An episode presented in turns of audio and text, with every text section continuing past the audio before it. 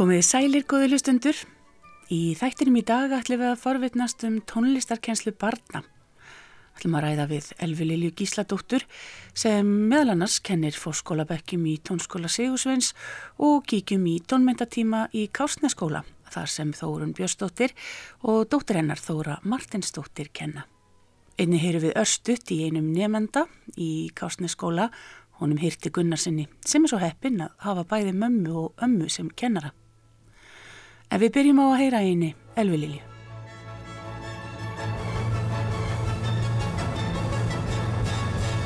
Og ég er hingað mætt til hennar Elvi Lilju Gísladóttur sem er tónlistakennari og kennir meðal annars uh, fórskóla nefndum í tónlistaskóla Sigursvins. Elva Lilja, ég veit að þú fórst alla leið í pínu.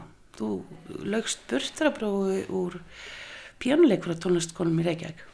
Já, það er orðið allt mörg ár síðan það var, en jú það er rétt, eftir stúdinspróf þá, eða eiginlega áður en ég kláraði stúdinspróf þá er ég búin að skrá mig í pjónukennari deild og lög svo þaðan prófið í burstarbróð 22 ára gömur. En það var kannski bara eitthvað svona, minna maður búin að spila sem ég var 7 ára og eitthvað sem lág bara beinast við, maður var ekkert að flækja hlutina og, og standa einhverjum stórum krosskotum heldur var bara pjónu það sem var búin að vera inn í lífin mínu og því að ég legt bara að klára þann pakka. Þannig að ég laug þar, já, 22 ára og fór þá út í framlistam og fór til Vínaborgar, held áfram þar í björnum en alltaf blundaði í mér félagströllið eða félagsfýblið. E, það hefur verið mikið félagslífið sem múlingur, mikið íþróttum og dansi og öllu þessu nefndir á því. Þannig að mér fannst þetta að vera einn með björnánum svolítið einmannlegt og einungra. Þannig að ég var alltaf að leita hvernig get ég fundið mér einhvern veginn leið og starf þar sem ég get nýtt alla þessa tónlistartekkingu sem að maður er búin að afla sér frá unga aldrei en ég hafðframt notað meira sem sagt, ég fengi meiri fullnægt þessari, þessari hópa félagsþörf. Fórstu þá í nám? Já, ég fann nám sem ég var enda bent á. Þeir voru að leita svolítið eftir Íslendinga því að það höfðu ekki verið Íslendingar þarna í einhverja áratvíi frá því að Njátt Sigursson og Jón Hlauver Áskilsson höfðu verið þarna bara í kringum 1960, 1968, 9. Þannig að þeirra var saknað greinlega þannig að þeir vildu fá hérna, endun í að þannig að tekkinguna til, til landsins. Þannig að það var tikið virkilega vel á mótið mér og og eftir mér kom nú tvær frábæra vinkunum minna, Anna Líf og Kristín Valstóttir e, þannig að við opnum þarna pínu aftur á þessi tengsl. En þetta nám e, heit, er kentuð tónlistarháskólinn í Salzburg mótsettjum og e, nefnist Orf Institut og byggir sagt, á aðferðum í tónlisturreyfingu á aðferðum Karl Orfs sem að margir þekkja frekar sem tónskáld. En hann syndi þarna mikið sagt, kennslu og, og hafði sterkast skoðun á því að öll börn ættu rétt á að kynast tónlistinni. Mm. Og fyrir þá sem er ekki tengja þá er þetta gaurinn sem samti Carmina Burana. Já, hann er frægastu fyrir það og það er nú eitt mest e, flutta verk í heiminum, Já. er mér sagt, en það skilar það dágóðum tekjum e, af stefgjöldum og við fáum til dæmis að njóta góðs að því. Þannig að við hérna, getum sótt tangað í svona sértak verkefni sem að heyra undir þessa orf aðförfræði Þannig að við þökkum reglulega fyrir Carmina Burana.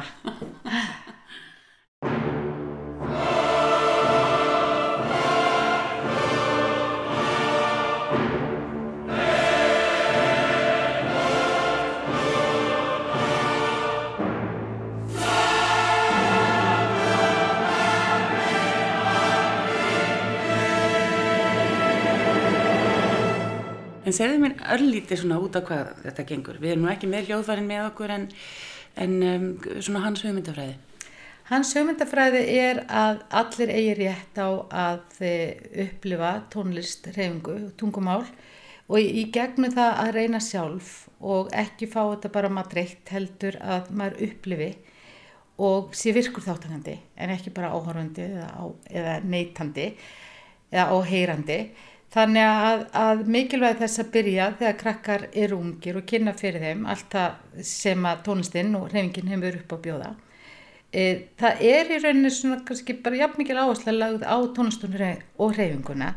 Þannig að við sem að vorum þarna í námi vorum mjög sterk kannski tónlist og ég var sterkari náttúrulega með minn pjónumbakgrunn en næsti kollegi minn var kannski bara með meiri dansbakgrunn en auðvitað nýtti maður þá það sem að maður hafi verið að læra í dansi og allir þurfti að hafa bara svona þokkalega goða mentun á báðum þessum, þessum vettfangi en e, þú pínlíti nýtir þess þess að það er góð og byggir þar á.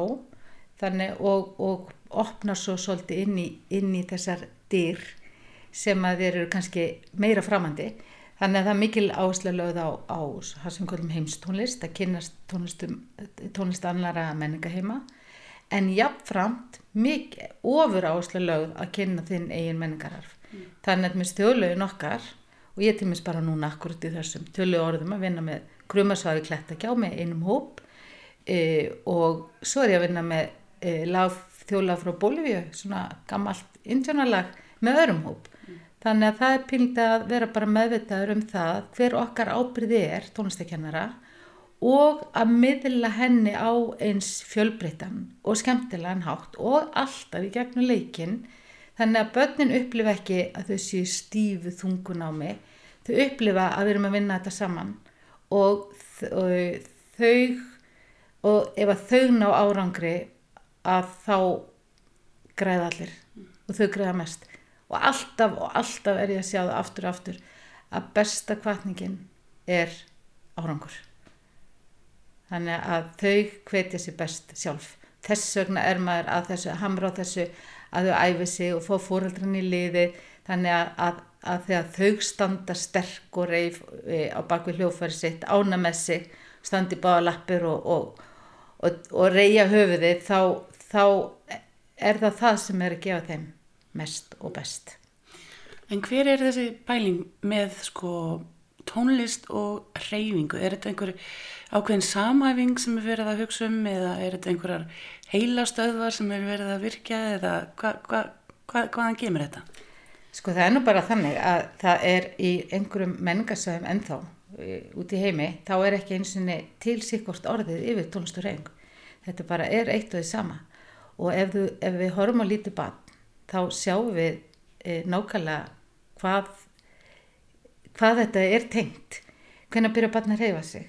Þá sé að flestir þegar það stendur og rugga sér og aðrir fara neðar og neðar í aldrinum og sé að þegar barn sittur á rassinum og byrja að rugga sér fram og tilbaka. En þá fyrst sjáum við reyfinguna því barnið komið í lóratu stöðu. E, hins vegar sko eru allar hérna, sína kannanir og, og svona við nánar í gröndun að, að reyfingin byrja miklu fyrr. Hún byrjar e, með því að batni opnar og loka lóum og það rúlar upp á, upp á hérna, iljarnar e, og það bregst við, það hlustar. Og ég mann eftir báða mínu drengjum að sem byggum í stóraldi og ég skildi ekki þetta rugg á sundasmotni ég var lengi að fatta með fyrsta drengjum minn, elsta en þá var hann að dansa og reyfa sig við kirkjuklukkurnar í hátiskirkju þannig að hann heyrði hljóð sem við vorum ekki að nefna fóraldrarnir en hann var næmari á umhverfið sem lítill hérna, sjö mánuða drengur. Þannig að tónlist er að alltaf að, eða held ég miklu meira að vekja viðbröð heldur en við erum ofta endilega að gera okkur grein fyrir. Mm. Því við erum einhvern veginn bara í amstrinu. Þannig ef við förum að, að veita það sem er aðtegli, þá sjáum við öll þessi viðbröð sem er að gerast. Þetta er ofta erfiðar að sjá til tónlist heldur en í til dæmis myndlist að það er, er myndin eitthvað sem er hægt að geima og varveita en upplifinni gegnum tónlist er eitthvað sem oft næst ekki endilega fest á myndbandi eða vídjó þannig að kannski símanina þessi hjálp okkur núna. En þetta er í rauninni bara svo tengt að tónlist vekur hreyfingu, hreyfingin vekur upp tónlist.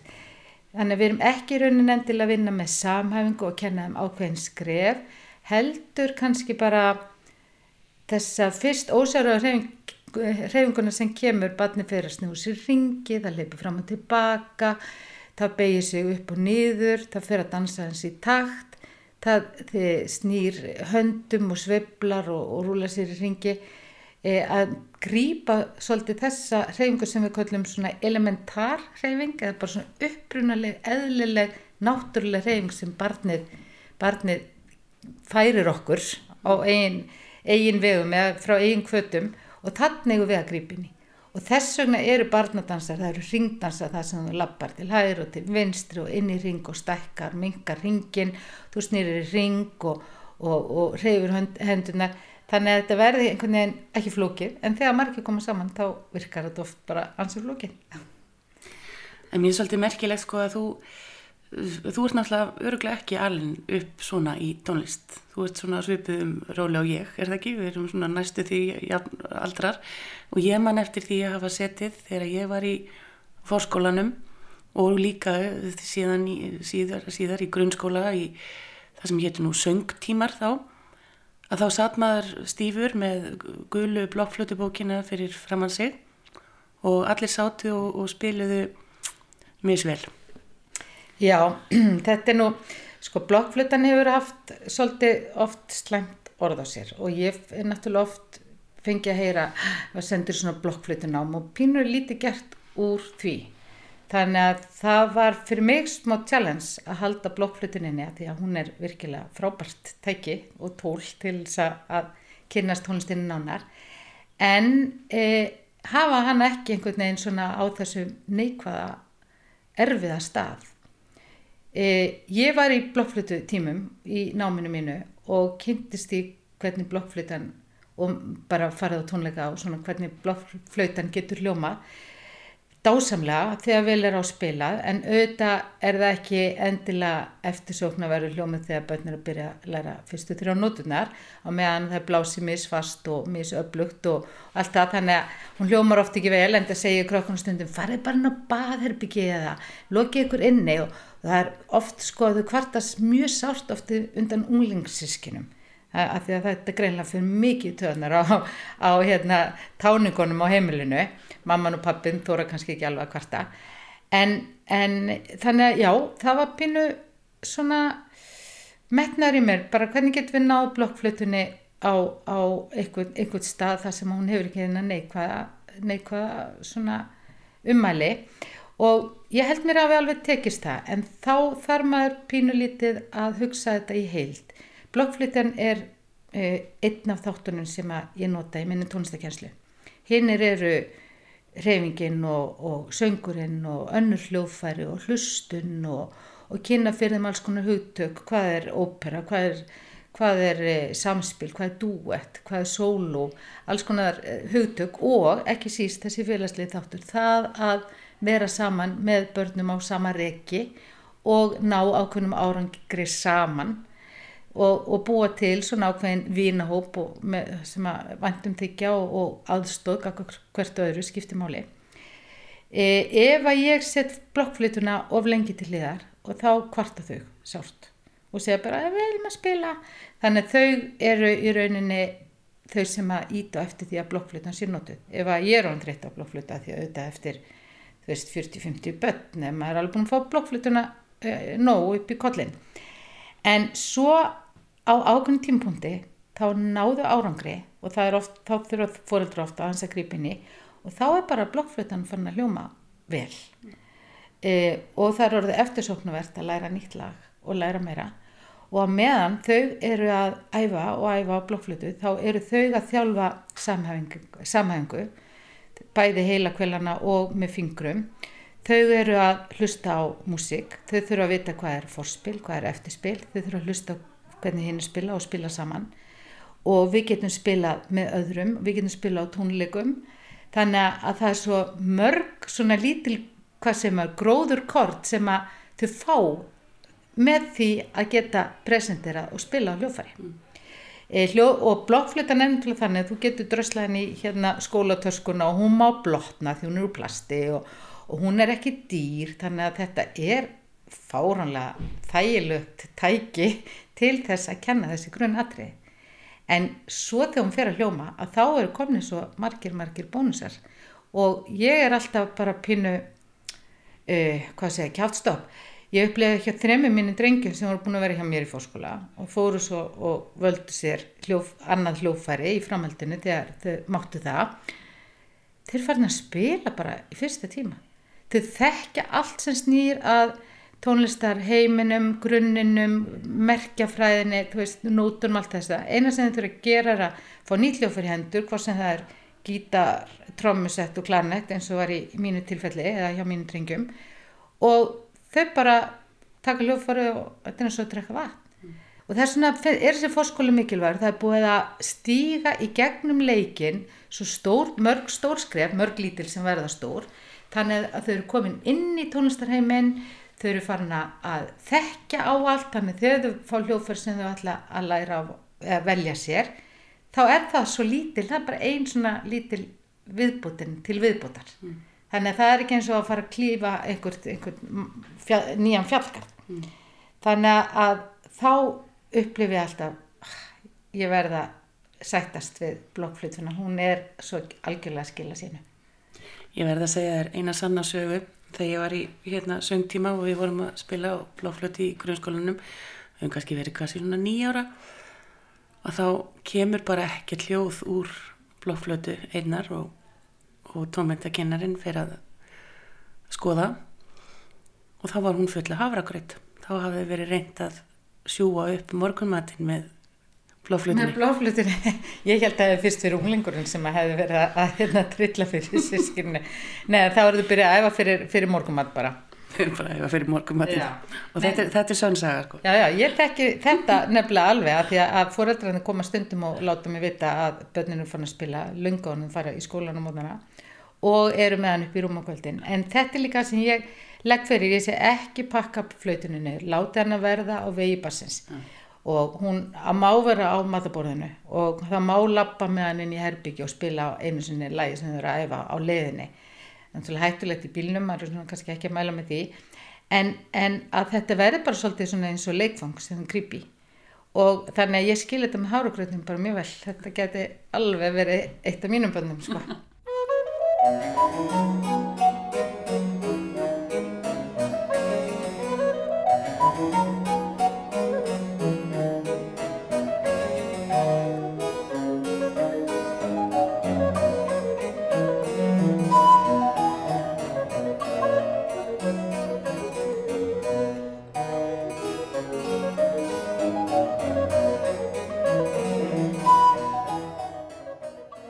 ég, ég man líka eftir því að, að myndrengur, hann sótti eitt af námskeiðum sem að, þið hjæltið í Kramhúsinu fyrir mörgum árum, þú og, og Nanna Líf. Um, þar sem þið voruð að einmitt að vinna með þessa reyfingu og, og tónlistina og notuðu þar á meðal uh, Garnevaldýrana eftir Sensans og hann kom heim og leik fyrir miljónið og fílinn og, og öll dýrin sko og hafði rosa gaman af þessu. Er þetta, ætti þetta ekki bara að vera inn í námskrá hvers bars?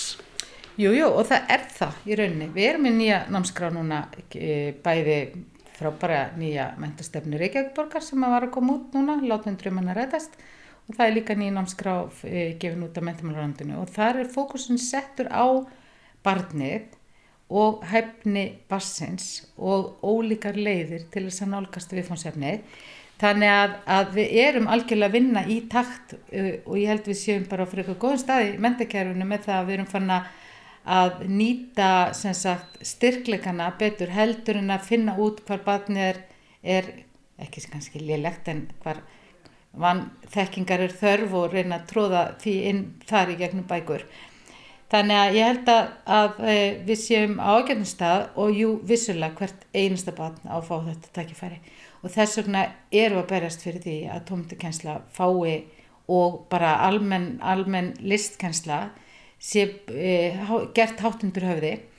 E, það sem að e, þvælir það pínulíti er okkur vant að fleiri tómatikennara og tómatikennara sem ráður sín í grunnskóla þeir eru svona overlótaðir og ef ég á að vera pólitísk að þá eru þeir á læri launum heldur en umsjónakennarar af því að þeir eru ekki með umsjón yfir bekk hins, hins vegar eru við er þeir með umsjón yfir sagt, stofinu sinni og að fá inn eh, nokkur hundru börn á viku sem þurfu alltaf að búa til nýja nýja stemningu og sjálfsögðu þekkja styrkleika og veikleika hvers einasta einstaklings sem þeir kenna.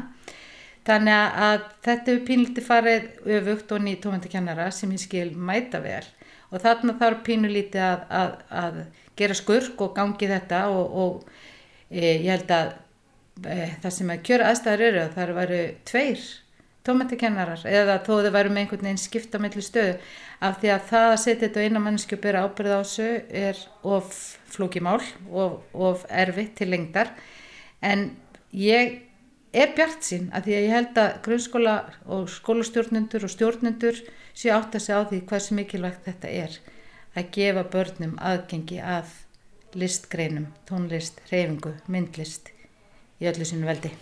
Ég mani mitt þegar ég á þessu námskeiði í Gramhúsinu sem að svona minn hafði svo innilega gaman af.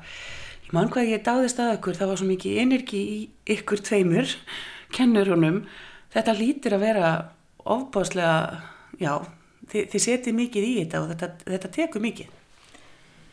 Já, í þessu við segðum okkur aðeins frá náminn okkar og, og kynnum okkar að, kennslu humdum Karl Orfs það er mikil áherslu að lögða það að kenna hans í virkur þáttakandi þannig að við stöndum ekki á hljálinu og fylgjast með heldur erum við með út á gólfi.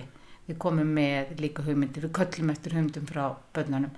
Þannig að, að það skiptir að mínum að þetta verulegu máli að maður sé e, inn í hópnum.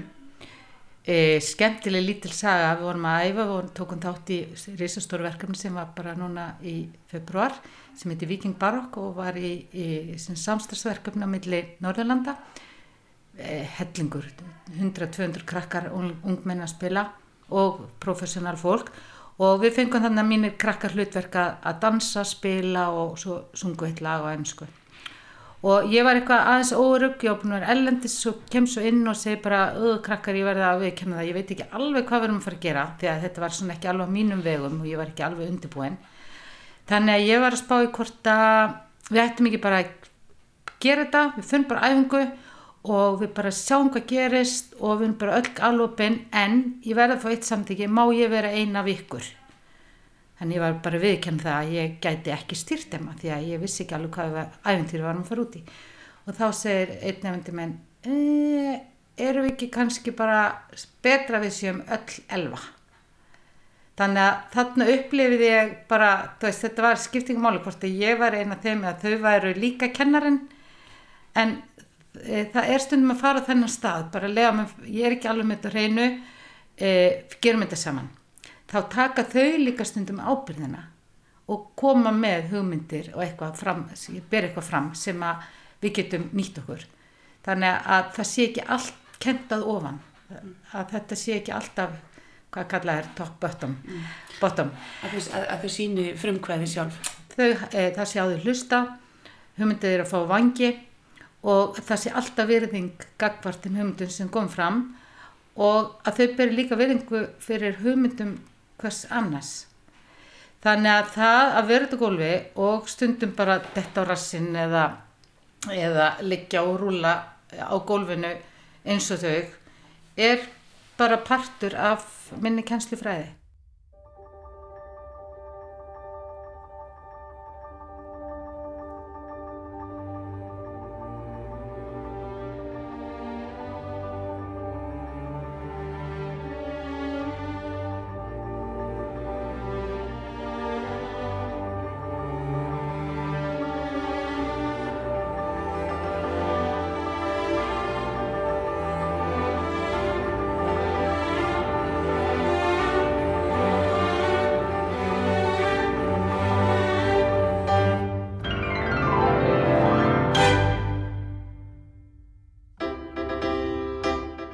Veit ég að þú ert að vinna að tónleikum. Um, þú ert með smá svona tón, uh, dæmi fyrir mig hvernig þú ferð í gegnum uh, verkin með krökkunum. Getur þú sínt mér þetta hérna á símanum þínum? Sjá hvort þetta hljómar ekki, hljómar ekki ágætlega bara hérna inn í mitt. Sko, það, við í tónskólu Sigursens höfum þema á hverju ári og við höfum verið með konutónskáld eða latinu eða spátn eða Suður-Ameríku, alls kom þema. Í árið þema samspil og það fannst mér, kennaranum, ekki mjög spennandi þema af því að þetta er það sem við erum alltaf að gera þannig að fyrir mér var þetta ekki nýtt. nýtt. En eh, við erum sagt, ákvað að taka bara frekar léttlu af því við erum bæðið vorum í þessu stóru verkefni með vikingbarokk og erum að fara í risaverkefni núna á barnamenningarhátti þannig ég ákvað að fara með þetta verkefni í, svolítið í gegnum leikin en jáfnframt er ég að nýta þetta tækifæri svolítið og leggja fyrir sem kallum stafspil, tréspil, mámspil, klukkuspil þannig og líka að pröfa að taka mjög innfalda hugmynd aðeins lengra. Þannig að hér er til dæmis lag frá Bólivíu e, sem að margir kannski að minni kynslu þekkja sem svona indjónalag, Annie Cooney Fyrst erum við bara að upplifa hvernig hljómaskipti eru, þannig að við upplifum fyrst og fymtasæti og smá saman byggjum og orna þetta, þau sita hérna á gólfinu og eru bara e, krjúpa svona eins og litlir hinsjónar og síðan pröfum við þetta í dansi og dansin sem að þau byggja sjálf til. Og ég held eftir þeim. Og síðan förum við að hérna hljóðfæranum. Og þá spilaði hljómagangin á tréspilin.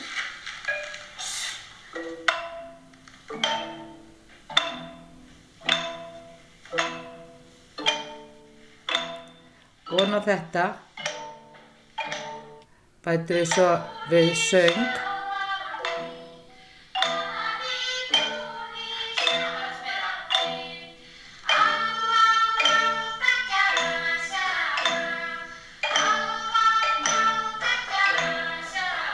og síðan þurfum við aðeins að vita hvað við getum gert meira. Þannig að þau eru búin að læra þetta líka á blokkflutuna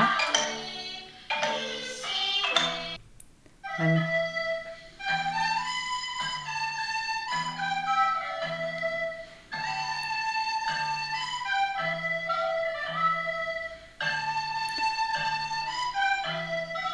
og síðan erum við líka fær um að spila þetta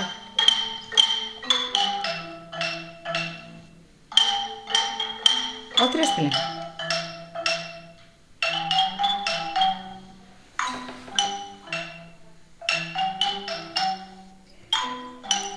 Þannig með þessar litlu hugmynd eru þau búin að búti dans og syngja og spila á flutu og Það er svona eins og þú, þú leggir þetta inn í, í mörgum lögum. Já, þetta er í rauninni lagt inn í nokkrum lögum. Fyrst erum við aðeins að klíma við það að læra e, nótunar eða læra þetta á flötu, leggja inn e, búin til dansinn, svo er ég kannski að gera eitthvað allt annað, svo bætum við í næstu tíma. Þannig smá saman tekur þetta svona á sig, á sig mynd.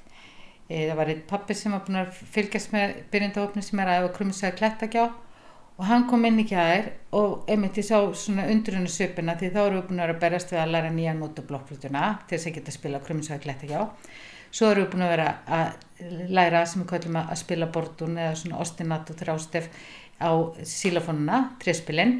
Þannig að það tók, var líka svolítið þegar maður er ekki alveg tilbúin að hlusta og, og spila í takt að það tekur líka smá tíma En svo ég var alveg róleg þó erum að vera tilbúin fyrir þetta fymta en ég hugsaði pappin í síðust tíma bara eh, hvernig ætlaði það að ná þessu á 200 tímum? En svo í gær smellur þetta.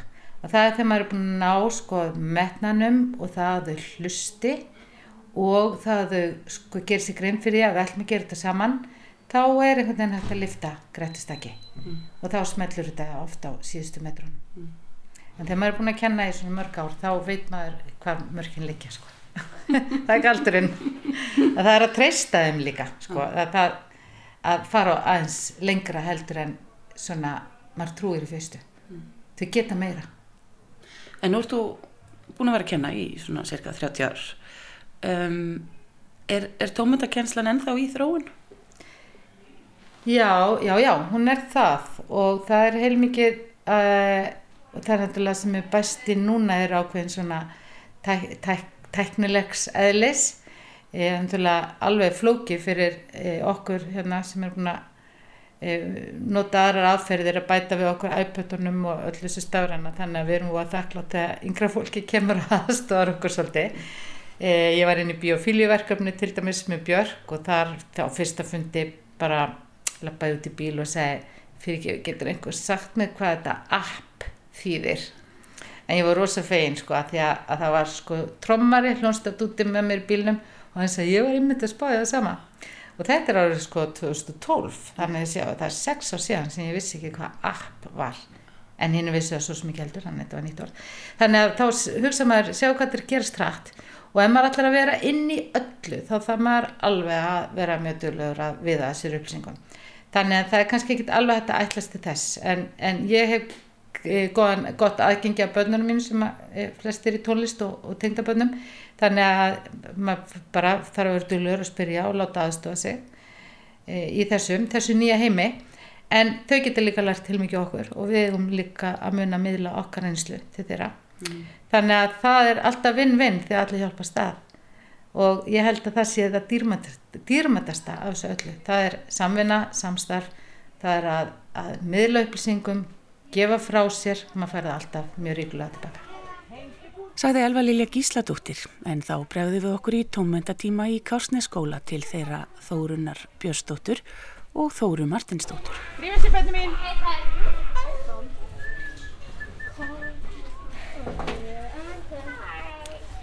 Góðan daginn. Góðan daginn. Eru tilbúin? Eru tilbúin? Já við erum tilbúin. Já, við erum tilbúin. Góðan daginn. Góðan daginn. Eru tilbúin? Ég vil gera svo hrað ykkur á þess að heyrðist. Mjög fallega.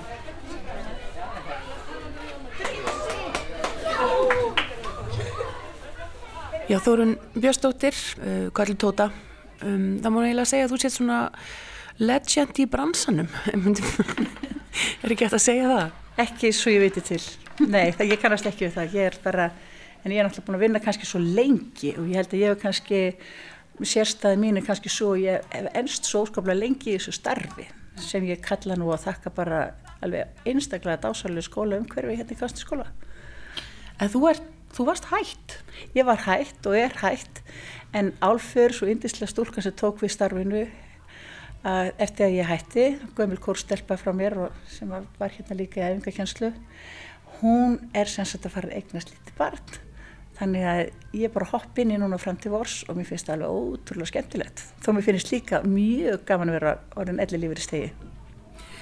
En um, ég var að fylgjast með tveimur bekkjum í kjenslu hjá þér og um, með dótturðinni líka. Þið eru tvær og uh, síðan er ein, eins konar stuðningsfulltrúi þannig að það eru þrýr fullornir með hverjum bekk með hverjum hópi. Með hverjum hópi. Þetta eru, sagt, þetta eru þrýr bekkir í hverjum, þegar koma saman litlubönnin, þá eru allir þrýr áttara bekkirnir og allir þrýr nýjara bekkirnir eða þrið og fjörði bekkur. Þannig að þetta er ansið stór hópur. Þetta er stærra heldur en gengur að gerist í ennir bekkirkenslu, þetta eru 40, 50 krakkar sko.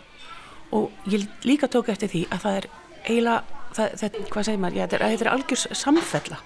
Það, það er aldrei pása. Það má aldrei vera döðu tími í tónmjöldakenslu þá fara þið bara að vera óþekk. Ég segi mér, það er sko besta sko besta kennslu aðfyrin þar að hafa það mikið efni að það, þið hafa aldrei tíma til þess að hugsa neitt annað heldur en bara vera virk.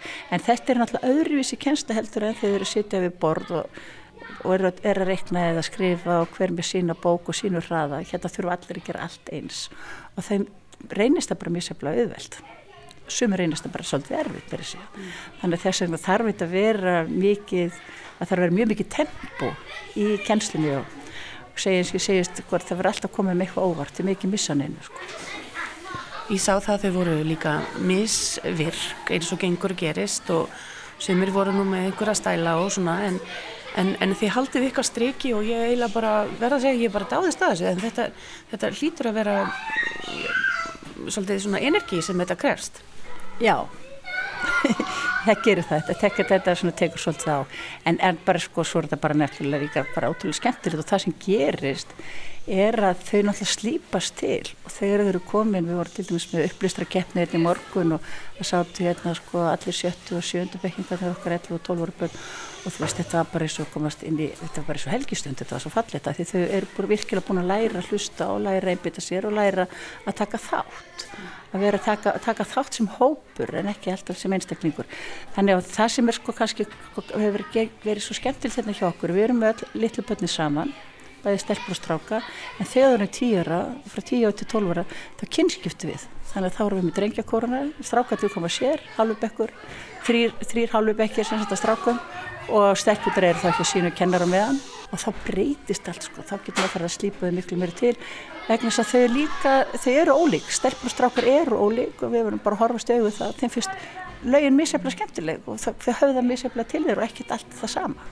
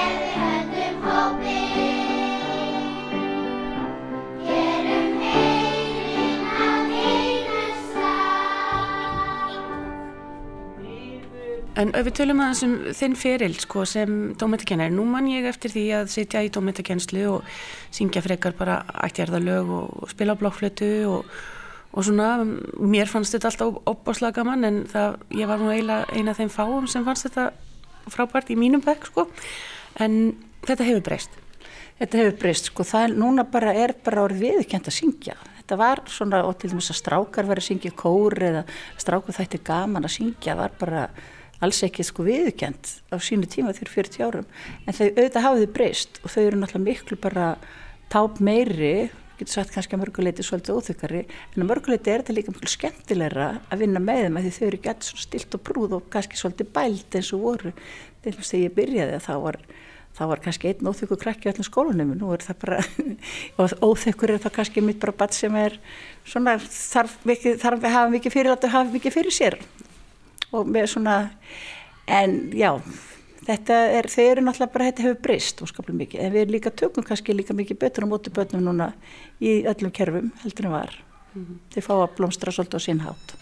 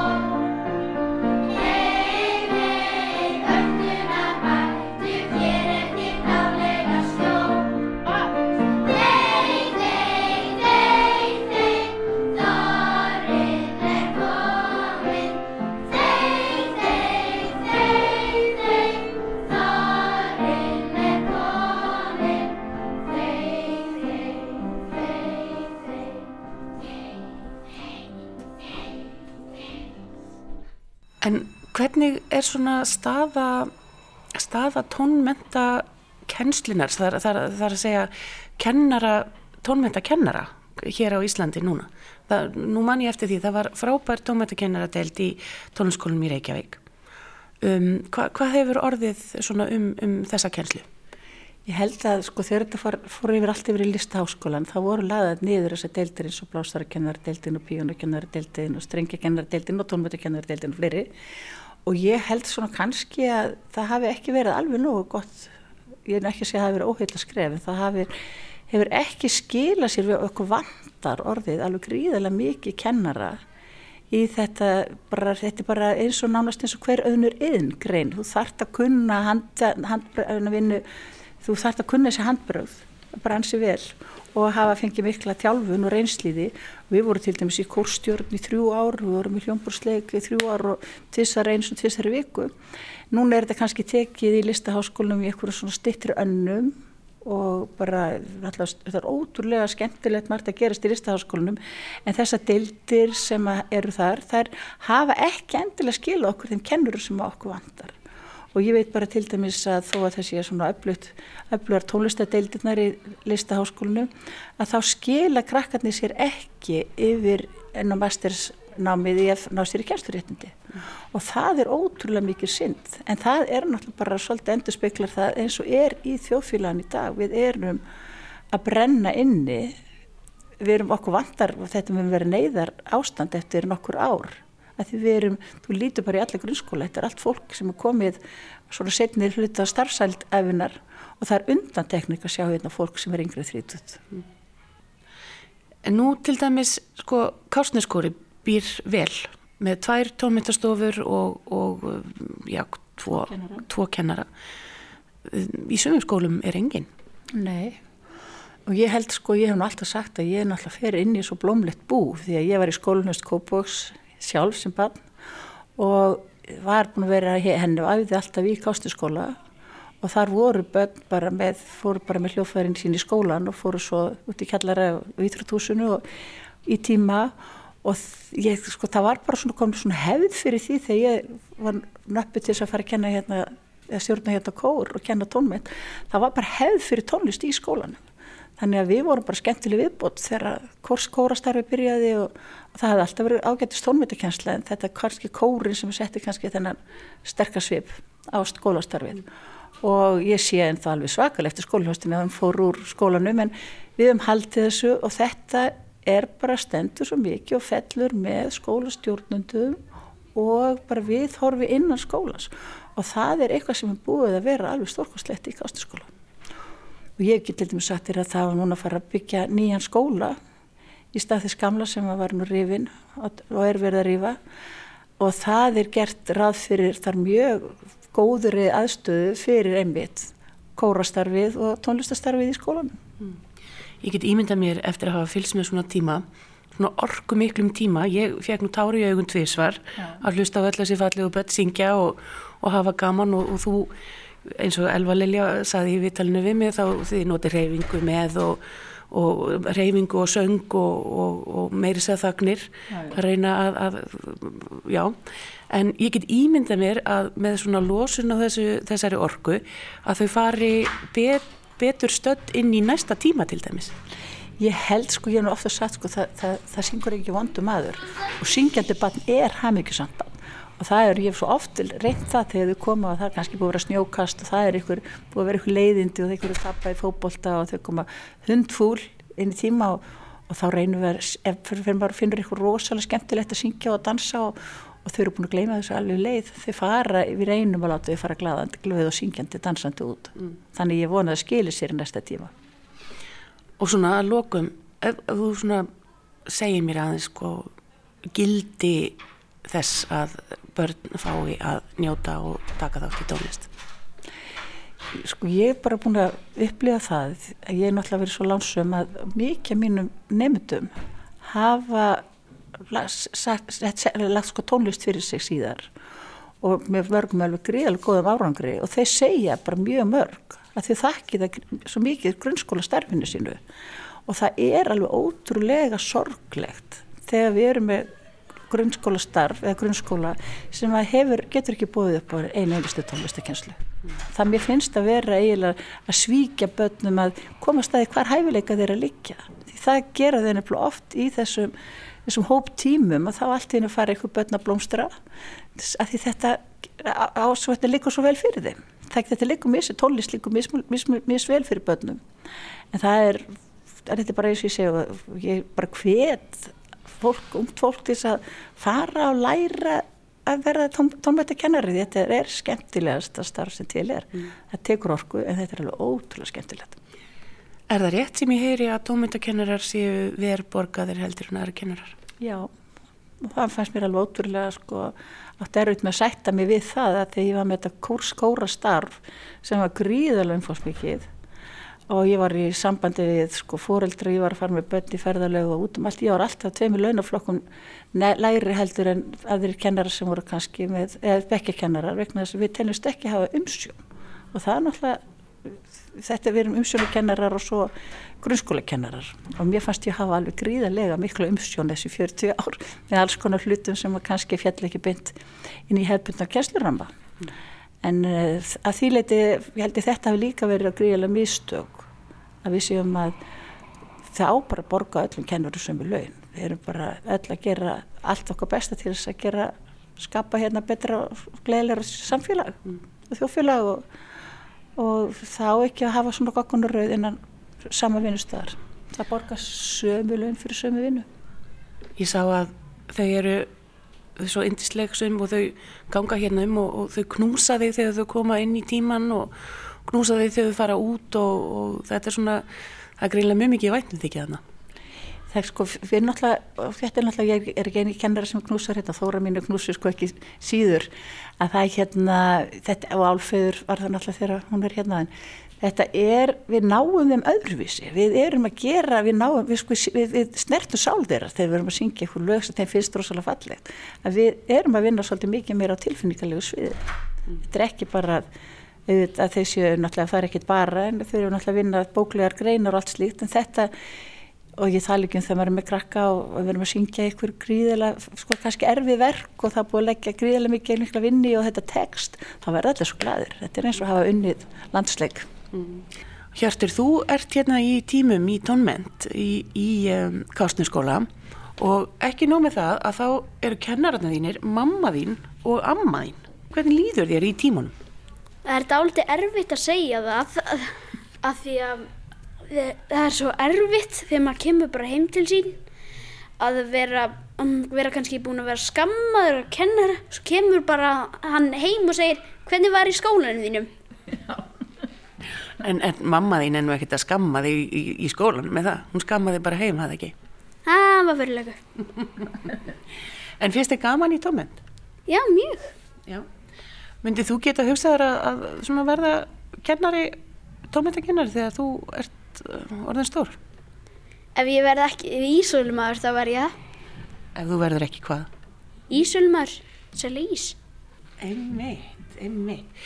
En uh, hvað finnst þið svona skemmtilegast eh, við, við söngin og, og við tímana hjá, hérna í, í Kásnes? Um, það er eiginlega bara það að það er bara svo gott að syngja. Það er svo gott að syngja fyrir röttina. Mm -hmm. Það er svo gott fyrir röttina. Og fyrir sálinu kannski líka? Já, líka fyrir sálinu. Mm. Og ég heyrði það að þú tekur mjög mikinn þátt og þú syngur mjög vel. Takk. Við kveðjum þau Þórunni Björnsdóttur og Hjört Gunnarsson og börnin í Kásnesskóla heppin börn að hafa aðganga slíkri tónlistakenslu og við ljúkum þess í dag á söngbarnana þanga til næst. Hafið það sem allra best.